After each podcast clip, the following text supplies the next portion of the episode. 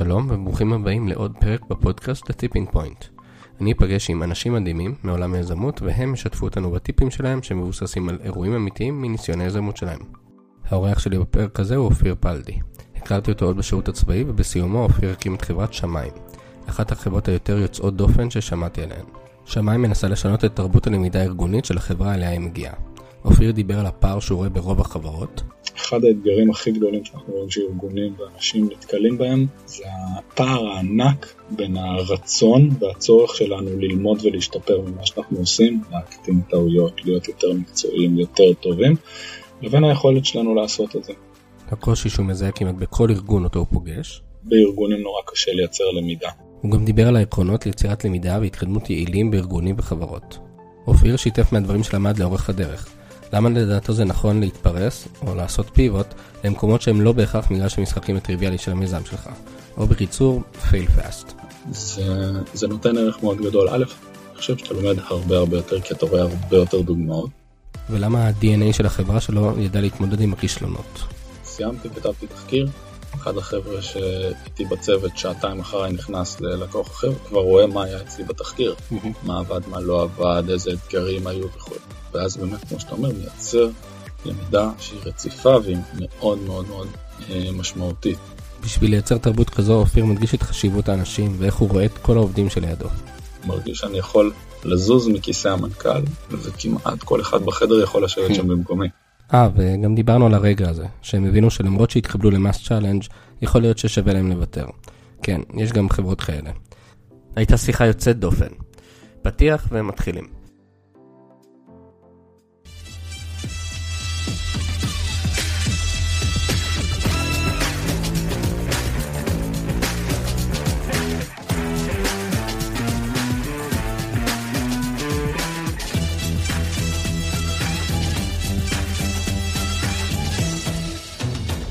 אופיר, מה נשמע? יופי. היה לי חשוב להביא אותך כי... כי אני חושב שהסיפור שלכם, של מה שהקמתם, הוא, הוא חריג בנוף של, של הסטארט-אפים. יש בו משהו גם מעניין מהנקודה שהתחלתם בו וגם מהרקע שלכם, וגם פתחתם כיוונים אדירים, כולל לקוחות מחו"ל. נראה לי שיש המון מה ללמוד. אז בוא, בוא קצת תספר עצמך, תציג. אז החברה שהקמנו נקראת שמיים, באמת סיפור טיפה שונה, אה, אנחנו מה שנקרא חברת אימפקט, או סושיאל ביזנס, וההקמה, או הרעיון הראשוני להקמה באמת בא בכלל מהמקומות החברתיים, ולאט לאט הבנו שבאמת אה, הדבר הזה יכול גם להפוך לחברה ולעסק, ומשם זה התחיל. אז תחילת הדרך שלנו, אה, שזה קצת דומה אולי לסטארט-אפים, שאתה מתחיל באיזשהו שוק קטן ומקומי כדי לבחון את המוצר, אז אנחנו התחלנו את הפעילות שלנו מעולמות שהם יותר אה, חינוכיים. היה לנו משהו כמו שנתיים עבודה כמעט עד שהצלחנו להכין את השירות שלנו לרמה, אני חושב שאפשר להגיד לרמה בינלאומית, ובאמת היום אנחנו עובדים עם החברות הכי גדולות שיש, גם בארץ, גם כמו שאמרת בחודשים האחרונים אה, בעולם. ארה"ב כמה לקוחות, יצא לנו להיות בפרויקטים מסוימים, אירופה, באפריקה, ב... רק אתמול בלילה ביקשנו, אה, קיבלנו בקשות גם מטיוואן, גם מארצות הברית, זה מאוד מעניין, מאוד מגוון. פותחים עוד מעט סניפים בקצב הזה. כן, האמת שיש לנו כבר אה, פיתוח עסקי בארצות הברית, יהודי. אה, וכמו שאמרת, זה סיפור קצת שונה, כי לפחות עד לפני חודשיים לא היה לנו טכנולוגיה. חברת סרוויס לכל דבר. אה, אפשר לקרוא לזה הדרכה וייעוץ, אבל באמת נבנתה בקונספט שיותר דומה אולי למה שמוכר מהעולם שלכם. ועד שלפני עשרה חודשים, פעם ראשונה הבנו שיש לנו פה באמת איזשהו צורך מאוד מאוד גדול בשוק, גם למוצר טכנולוגי. כל הנושא היום, או אחד האתגרים הכי גדולים שאנחנו רואים שארגונים ואנשים נתקלים בהם, זה הפער הענק בין הרצון והצורך שלנו ללמוד ולהשתפר ממה שאנחנו עושים, להקטין טעויות, להיות יותר מקצועיים, יותר טובים, לבין היכולת שלנו לעשות את זה. כי העולם היום הוא מאוד מאוד אינטנסיבי, כולנו כל הזמן צריכים להביא תוצאות, לאף אחד אין זמן לעצור, אה, ולכן אנשים גם לא עוצרים ומייצרים בעצם למידה ושיפור. אה, אם אתה מוסיף לזה את העובדה נקרא לזה האנושית, שלאנשים נורא קשה לדבר על טעויות, לשתף בטעויות, בטח מול העמיתים שלהם ומול המנהלים שלהם, אז אתה מקבל איזשהו אמ, צו שבו בארגונים נורא קשה לייצר למידה. אה, ולפער הזה אנחנו בעצם אה, נכנסים. אתם גם נכנסים לאיזשהו פער שכאילו יש תחקירים ברמה של, אתה יודע, קרתה איזה טעות גדולה, אז בעצם באמת עוצרים רגע ואומרים מה קרה, הפסדנו לקוח גדול, אה, היה איזה, המערכת קרסה, דברים כאלה. אתם אבל לוקחים את התרבות תחקור שרכשנו עוד מימי הצבא, שהיא בעצם לתחקר כל דבר. זאת אומרת, כל דבר שקורה, כל אה, אירוע נכון, הכי קטן. יש שלושה עקרונות מרכזיים שהתפתחו במהלך המודל, ואותם אנחנו גם, אחד האתגרים הגדולים שלנו זה לפתח אותם לתוך הטכנולוגיה. אמ, העיקרון הראשון אומר שמי שנקרא לזה מתחקר, או מי שמייצר את הלמידה הוא זה שעשה את הפעילות. אין יותר דבר כזה שמישהו מצוות אחר או מהצוות שלך בא ואומר לך מה עשית כן טוב ולא טוב. אין כזה דבר שיושבים כצוות ואומרים בואו נדבר באוויר על מה אנחנו כצוות. הרעיון הוא שכל אחד מסתכל על עצמו ואומר אני יכולתי לעשות יותר טוב פה, אני יכולתי לעשות יותר טוב פה, ורק אחרי הדבר הזה אנחנו מצליחים כצוות לייצר התקדמות. זה מייצר כמה דברים, זה מייצר תרבות שונה לחלוטין בצוותים, זה מייצר איזושהי אמ, צורת חשיבה שבה אנשים כל הזמן חושבים מה הם יכולים לעשות, איך הם יכולים להיות יותר טובים. עכשיו זה לא ממקום שאתה מלכה את עצמך או שזה מעיק עליך כל הזמן, אלא ממקום שאתה מבין שאוקיי, סיימתי לעשות משהו, בוא נבין מה זה דבר אחד שאני אעשה יותר טוב פעם הבאה. ומתקדם קדימה. אז העיקרון הראשון זה האחריות האישית, שבתוכה גם אתה אף פעם לא יכול לתחקר מישהו אחר. אם עכשיו אתה ואני עשינו איזה ספרינט משותף כשני מתכנתים שהיו צריכים לעבוד על איזה רליס, ואתה היית המוביל ועשית את רוב העבודה ואני בכלל הייתי בשבוע חופש מתוך השמונה ימי עבודה, עדיין בתחקיר אני אתחקר את החלק שלי, מה אני יכולתי לעשות יותר טוב, אתה תחקר את החלק שלך, אחרי זה אפשר יהיה רגע לדבר על משהו ברמת הצוות. אז הנושא הזה של האחריות האישית זה הדבר הראשון. הדבר השני זה באמת איך לייצר את התרבות הזאת שאנשים מרגישים נוח לדבר על טעות ולשתף אותם. אני חושב שבמה שעשינו עד היום בצד הרך יותר, או צד הסרוויס, זה אולי היה הסטארט-אפ שלנו, להיכנס לצוותים ובזמן מאוד קצר להביא אותם למקום שממש משנים את תפיסת החשיבה, ואין יותר את החששות האלה, כי אתה אומר, אוקיי, אני גם ככה חייב לתחקר כל דבר שאני עושה, אז, אז ברור שיש לי מה לשקר. כן, גם נראה לי שבאמת, כאילו שם יש את הפער הכי גדול התחושה היום, או במקומות שכנראה לא נכנסתם אליהם עדיין, זה שזה די רמה להנחתה לא לקבל קידום, להיות מפוטר, לעבור תפקיד. כאילו אם אני עכשיו אתחיל להגיד, הייתי גרוע בזה או במשהו אחר, זה כאילו הבוס שלי יגיד אוקיי, אז הוא לא יעשה את הדבר הבא. נכון, זה, זה פער תרבותי שמאוד מאוד משמעותי. להתחבר אליו ברמת, נקרא לזה אווירה צוותית או אווירה ארגונית. הדבר הראשון שדיברנו עליו, אחריות אישית, זה איזשהו פער שאנשים בעצם עוברים עם עצמם. רק אתמול אה, היה לנו תחילת פעילות עם אה, חברת הייטק גדולה, וונאז', צוות מנהלי הפיתוח שלהם מכל העולם, וזה התחיל בזה שאומרים, תקשיבו, א', חברה, אני אומר חברה מדהימה, המניה שלהם צמחה פי שמונה בשנים האחרונות, כאילו באמת עושים עבודה מדהימה, צוות פיתוח שגדל מ-50 ל-500 איש, עושים retrospective, עושים agile, עושים הכל. פתאום מתחיל התהליך, אומרים, אוקיי, השתנתה לנו עכשיו צורת החשיבה, כי בכל התהליכי retro ו agile והכל, אנחנו יושבים כולם ומדברים כאילו ביחד.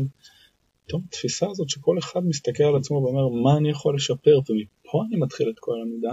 עכשיו אין כזה יותר שאני מאשים את ה product או שאני מאשים את ה R&D כי אוקיי יכול להיות שהם לא עושים את העבודה שלהם אבל מה אני יכול לעשות כדי לשאוב מהם את הדברים בצורה יותר טובה איך אני יכול להתקדם למרות שהם לא עושים את העבודה ממש משנה להם גם את צורת החשיבה. אז אלה שני אלמנטים תרבותיים מאוד משמעותיים, והאלמנט השלישי זה מה שאתה אמרת מקודם, זה הנושא הזה של איך מייצרים את התחקיר כשגרת למידה. מייצר מצב שאתה מבין מהי המשימה המרכזית של הצוות. מה זה משימה מרכזית? זו אותה פעילות שגרתית שחוזרת על עצמה, שהיא הכי חשובה, עדיף שהיא תהיה מדידה, אבל לא רק, ואז כל פעם שהיא קורית, אני כותב לה תחקיר. כי אם אני אברור ויחליט פה אני כן כותב ופה אני לא כותב, מהר מאוד אף אחד לא, לא יכתוב, אבל אני, אני אומר לכתוב, אני מתכוון יעשה. אבל ברגע שאתה אומר, אוקיי, זה מה שאני עושה ועכשיו מפה והלאה אני אה, מתחקר, זה מיד משנה, ועכשיו כן חשוב לי להגיד, כשאני אומר תחקיר, כי אנשים מיד נתפס, כמו שאמרת, איזה משהו כזה נורא גדול, והתחקיר בשפה שלי זה שלוש דקות. כן. אני רוצה שתסיים את הפעילות, שלוש דקות, תחשוב מה הדבר האחד שאתה עושה אחרת, תתקדם הלאה, אם אפשר שהדבר הזה גם ישותף בצוות, וזה אולי נדבר עוד אותו על, ה, על הטכנולוגיה שלנו, אה, אז אם אפשר שהדבר הזה ישותף בזמן אמת בצוות, זה ממש משנה לך את כל כן. התרבות ויכולת הלמידה. טוב, נשמע גם אפילו קצת חשוב אה, להגיד, לקחת את זה מאוד לעולם של פיתוח וגם לחברה האחרונה ש... שאתם עובדים בה, אבל אתם, אתם בעצם התחלתם, נתחיל מההתחלה, אתם התחלתם בעולם של חינוך, של ספורט, של רפואה גם היה לכם, זאת אומרת, נכון. המודל שלכם, אתם, נכון, המודל התחיל באמת מעולם הספורט, זה גם בא בזמנו ספורט אה, בגילאים הצעירים, זה באמת בא גם ממניעים חברתיים, גם ממניעים פרקטיים של ההבנה של כמה המודל הזה אה, מתאים שם, אה, אבל כמו שאמרתי, גם כארגון שבונה את עצמו, בונה את העסק שלו, זה היה מקום מאוד טוב להשתפשף בו ולבנות את התהליך. אה, משם התקדמנו, או המשכנו גם לעולמות אה, חינוכיים. ברמה הח- החברתית של הפעילות אנחנו עבדנו בעשר, בשנתיים האחרונות עם לדעתי כבר מעל עשרה אחוז ממנהלי בתי הספר בארץ וכמות לא קטנה של אנשי חינוך ומשם באמת מגזר ציבורי, אה, עובדים כבר כמה שנים עם כל ההכשרות של הצוערים אה, במדינה.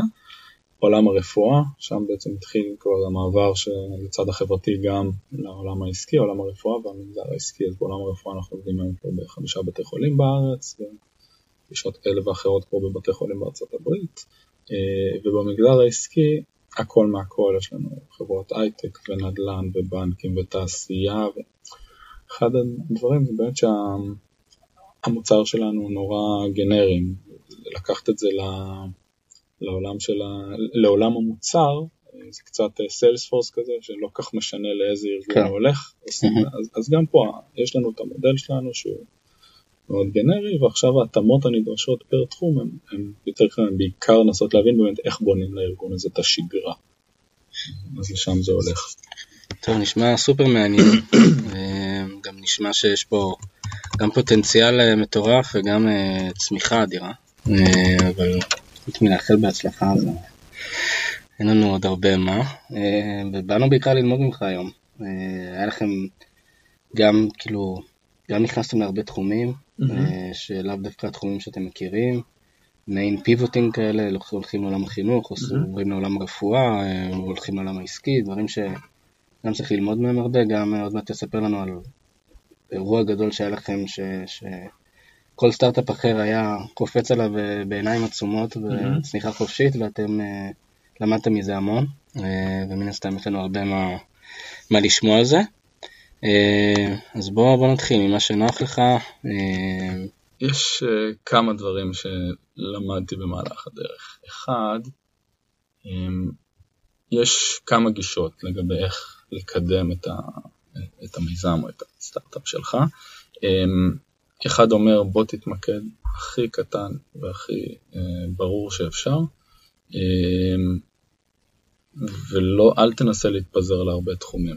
עכשיו אני מעריך שככל שטכנולוגיה הולכת ו... נהיית יותר משמעותית, זה נכון, אבל לפחות בראייתי בתחילת הדרך, אני מהמתפזרים. אני דווקא מעדיף לנסות כמה שיותר ולראות כמה שיותר דברים לפני שאתה אה, מתמקד, אה, וזה גם קצת ממשיך לעוד עניין ש, של ההתלבטות בהאם אתה לוקח רגע לקוח אחד או שני לקוחות, עושה איתם תהליך. לומד רגע את המוצר ומשם בונה לאט לאט, או שאתה מנסה להתפרס כמה שיותר. ואני חושב שהנושא הזה של כן דווקא ללכת בגדול ולהתפרס ומקסימום להיכשל, אבל ללמוד ולהתקדם כל הזמן, זה, זה נותן ערך מאוד גדול. א', אני חושב שאתה לומד הרבה הרבה יותר, כי אתה רואה הרבה יותר דוגמאות. גם אם זה קצת בא על חשבון איכות בתחילת הדרך. הדבר השני זה שזה מייצר איזשהו וייב סביב החברה. כי ברגע שאתה מתמקד בארגון אחד, אז אוקיי, אז אולי איזה ארגון במקרה הכניס אותך איזה קשר אישי וזה, אבל כשרואים עוד ארגון ועוד ארגון ועוד ארגון ועוד ארגון, אז זה מייצר משהו טוב גם פנימה בתוך הארגון וגם החוצה, שעוזר מאוד אה, אה, להתרחב. יש איזשהו אה, מושג כזה, אה, לקוח יותר מעולם ה-lean startup, שמדברים על fail fast. זאת אומרת, זה, זה מתחבר מאוד למה שאתה אומר, כאילו בוא תתחיל, בוא רק תתחיל, תבדוק מה עובד, מה לא עובד, ואתם דווקא גם מגיעים מחברה שהללמוד אצלה זה, זה השורש של הדברים. זאת אומרת, נראה לי שלכם זה היה אפילו איזשהו מכפיל כוח, כי כל דבר שעשיתם והתפרסתם עוד ועוד ודווקא דווקא לא התמקדתם, mm-hmm. גרם לכם ללמוד הרבה יותר מהר על מה עובד לכם ומה לא. ו... לגמרי, אני, אני תמיד נותן דוגמה, קח את אה, נגיד צוות הסיילס שלנו.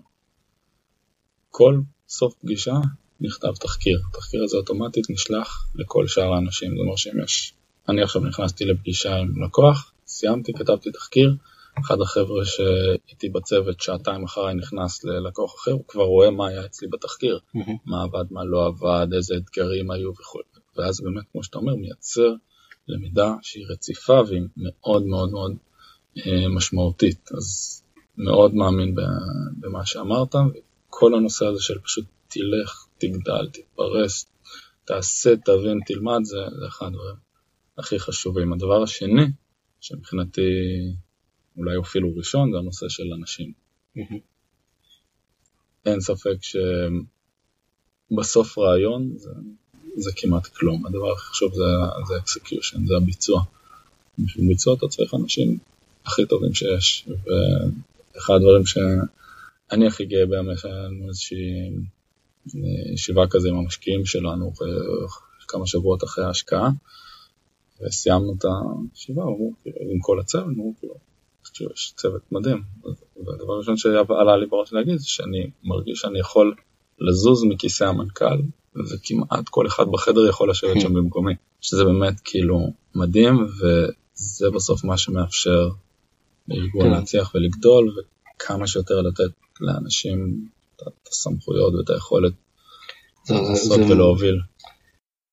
זה כאילו אמרת את זה תוך כדי, אבל זה נשמע כאילו אתה נותן להם את ההרגשה שיש להם אחריות על הכל, ושהם באמת יכולים גם לעשות כל מה שהם רוצים. זאת אומרת, אין פה איזה... אני חושב שזה לא הרגשה, אני באמת מאמין, אתה יודע, האמת לא נמצאת אצלך לא כמנכ"ל ולא כמייסד, זה בכלל לא משנה. אנשים יש להם יכולות מדהימות ואין שום סיבה שאתה תדע יותר טוב מאנשים אחרים. יש מקומות שהם קצת יותר חשובים לך ואתה מרגיש שאתה קצת יותר חזק, יש מקומות שאחרים, אבל אצלי אפילו בחלק מישיבות הנהלה שאני כאילו מוביל, הולך אחרי האנשים שלי, כאילו, כן. רואה שהם מובילים אז אין שום סיבה, אין שום סיבה שלא, לא צריך לעשות מה שהכי נכון בשביל ה... יצא אני באופן כללי עוד מימי הצבא מסתכל על זה שאני אני פחות מאמין במקום של ההיררכיה, אני חושב שגם המקום של מנהל הוא לחלוטין חבר צוות שהתפקיד שלו הוא במקרה לנהל.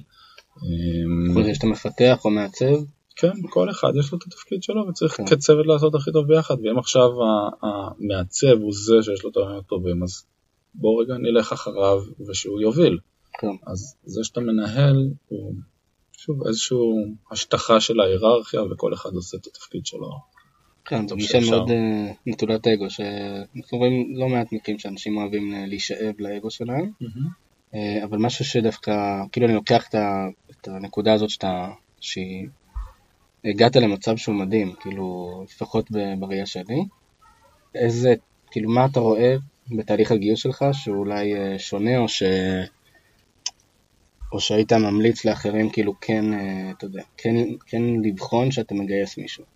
אה, כי, כי אתה אומר שיצרת פה איזשהו צוות שהוא מדהים בעיניך, אתה יכול לראות mm-hmm. כל אחד מחליף אותך, אתה יכול לקבל רעיונות ו, ו, והכל מכל אחד. יש איזה משהו ספציפי שאתה שם לב אליו? עשינו כמה דברים שאני שוב לא יודע להגיד כל סטארט-אפ יכול לעשות אותם, אולי זה קצת יותר בגלל התחום שלנו. אחד, המודל שלנו התבסס הרבה, אה, בטח בתחילת הדרך, על אנשים שעובדים במשרות חלקיות. מנהלי תוכניות כאלה שעובדים אצל הלקוחות. וברגע שאתה מכניס קבוצה של אנשים שעובדים במשרה חלקית, אז הם לאט לאט מתחברים לארגון. אתה, יש לך קצת זמן לראות מי האנשים שבאמת מתחברים ומתאימים. אה, ואז יותר קל להגיד מי, מי האנשים ש... שאתה רוצה להמשיך אותם קדימה. שתיים, לסמן כאילו אנשים שאתה מכיר ו... הדנטי, כן, להגיד את מי אתה רוצה ו... כן, לעשות, אה, להביא אותם, זה לחלוטין חלק מהעניין. אה, ושלוש, זה קצת, אולי קצת מביא אותי לנושא אחר שחשבנו לדבר עליו, וזה כאילו מה, מה מביא אותך בכלל לבנות את העסק, את החברה, ומה מה הסיפור ש, שנבנה סביבו. ואני לפחות רואה היום המון אנשים שהולכים להקים משהו כאילו מגניב, או כאילו נחמד, ונורא נשאבים למוצר. אמ, אני חושב שהדבר החשוב זה להסתכל על כל דבר שאתה עושה כאילו זה איזשהו ארגון שאתה בא לבנות. עכשיו תבנה את הארגון. חלק מהארגון הוא לבנות גם מוצר טוב, אבל זה לא הדבר המוביל, חלק מהארגון זה לבנות. לבנות האנשים, לבנות התרבות של הארגון, לבנות את שיטות העבודה, לבנות את הסיפור של הארגון, כי אף אחד, כולל, אתה יודע, אותי כמי שהיה יזם, כולל אנשים שבאים לעבוד, אנחנו רובנו מחפשים לעבוד בשביל משהו שהוא יותר גדול מאיתנו ויותר מעניין מאיתנו.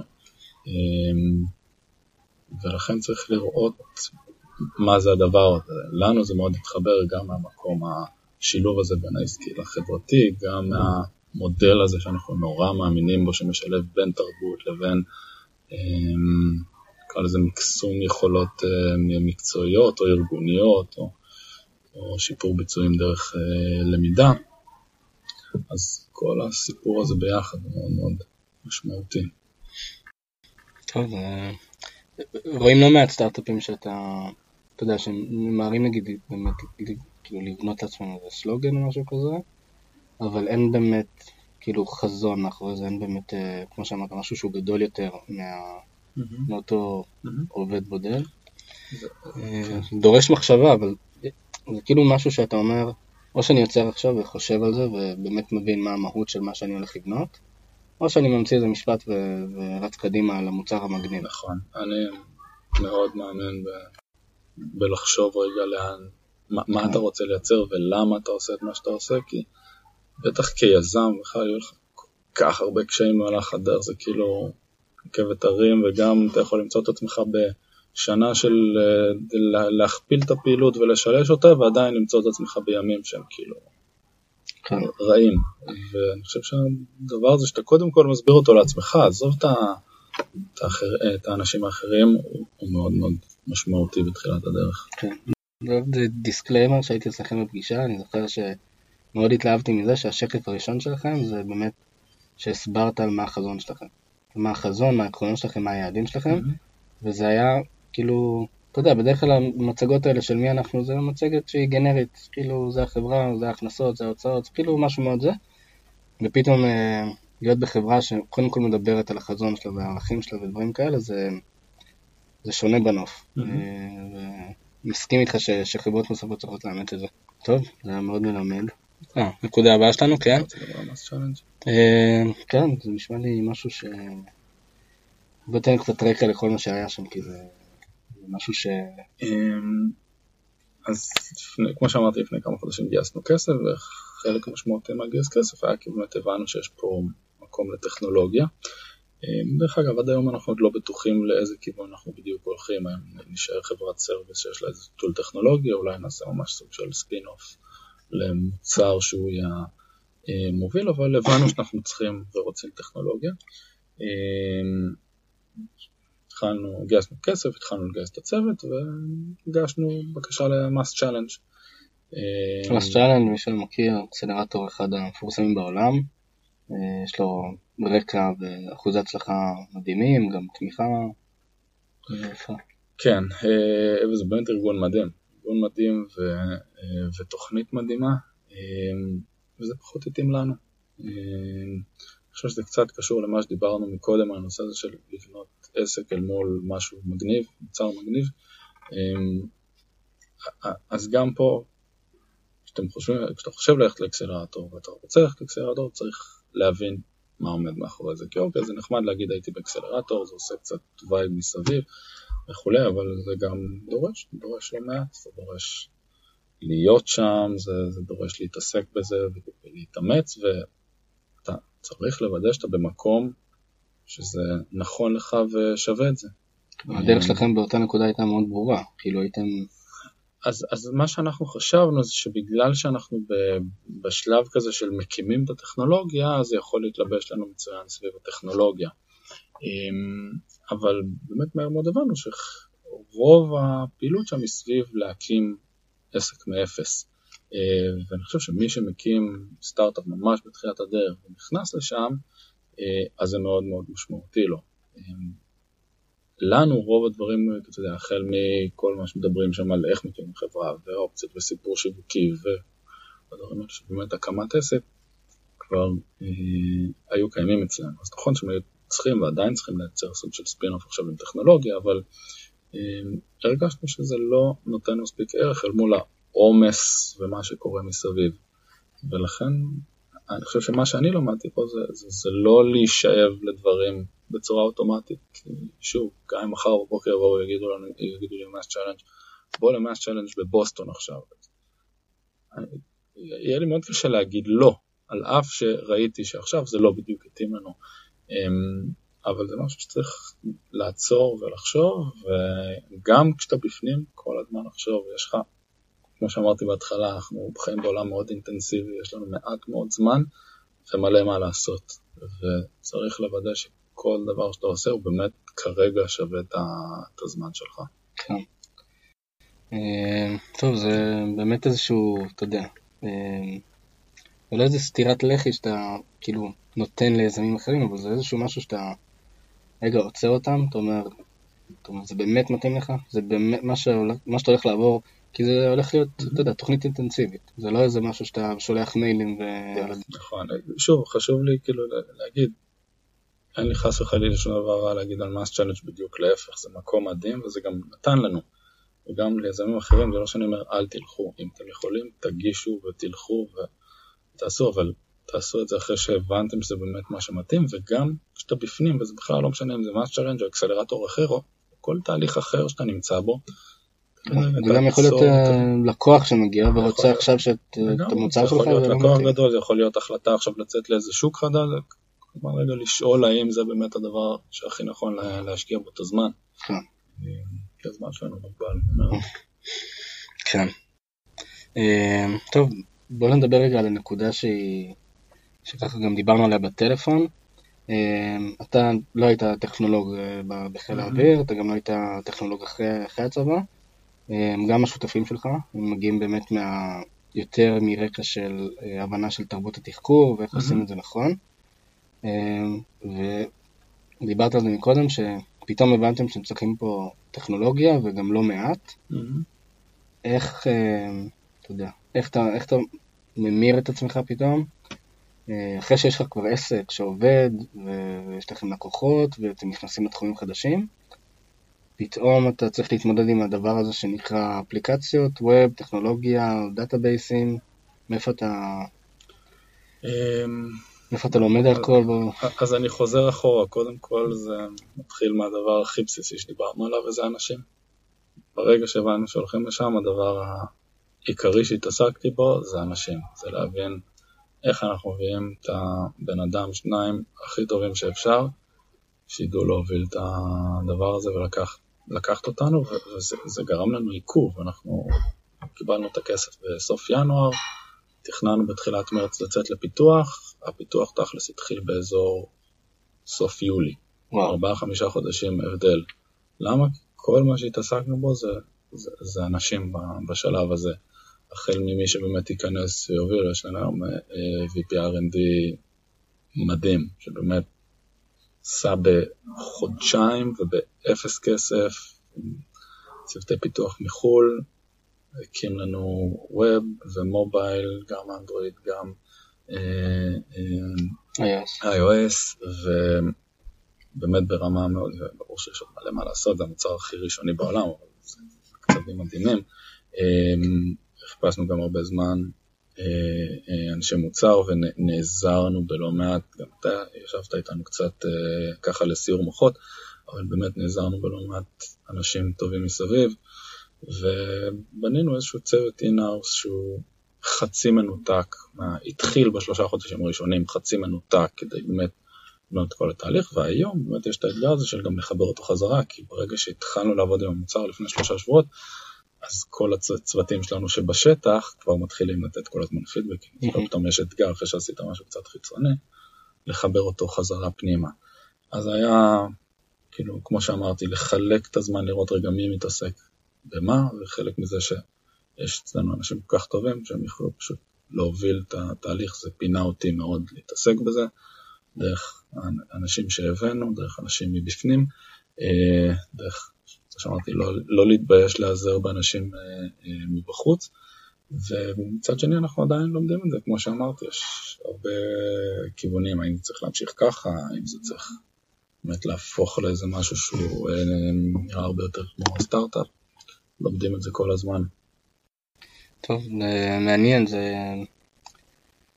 זה כאילו אתה, כל הדגש פה היה בעצם על זה שהיית מוכן לקבל איחור של כמעט חצי שנה, אבל לא במחיר, כאילו לא להתפשר בכלל על להביא אנשים. אה, כאילו את הבן אדם שאתה רואה ש...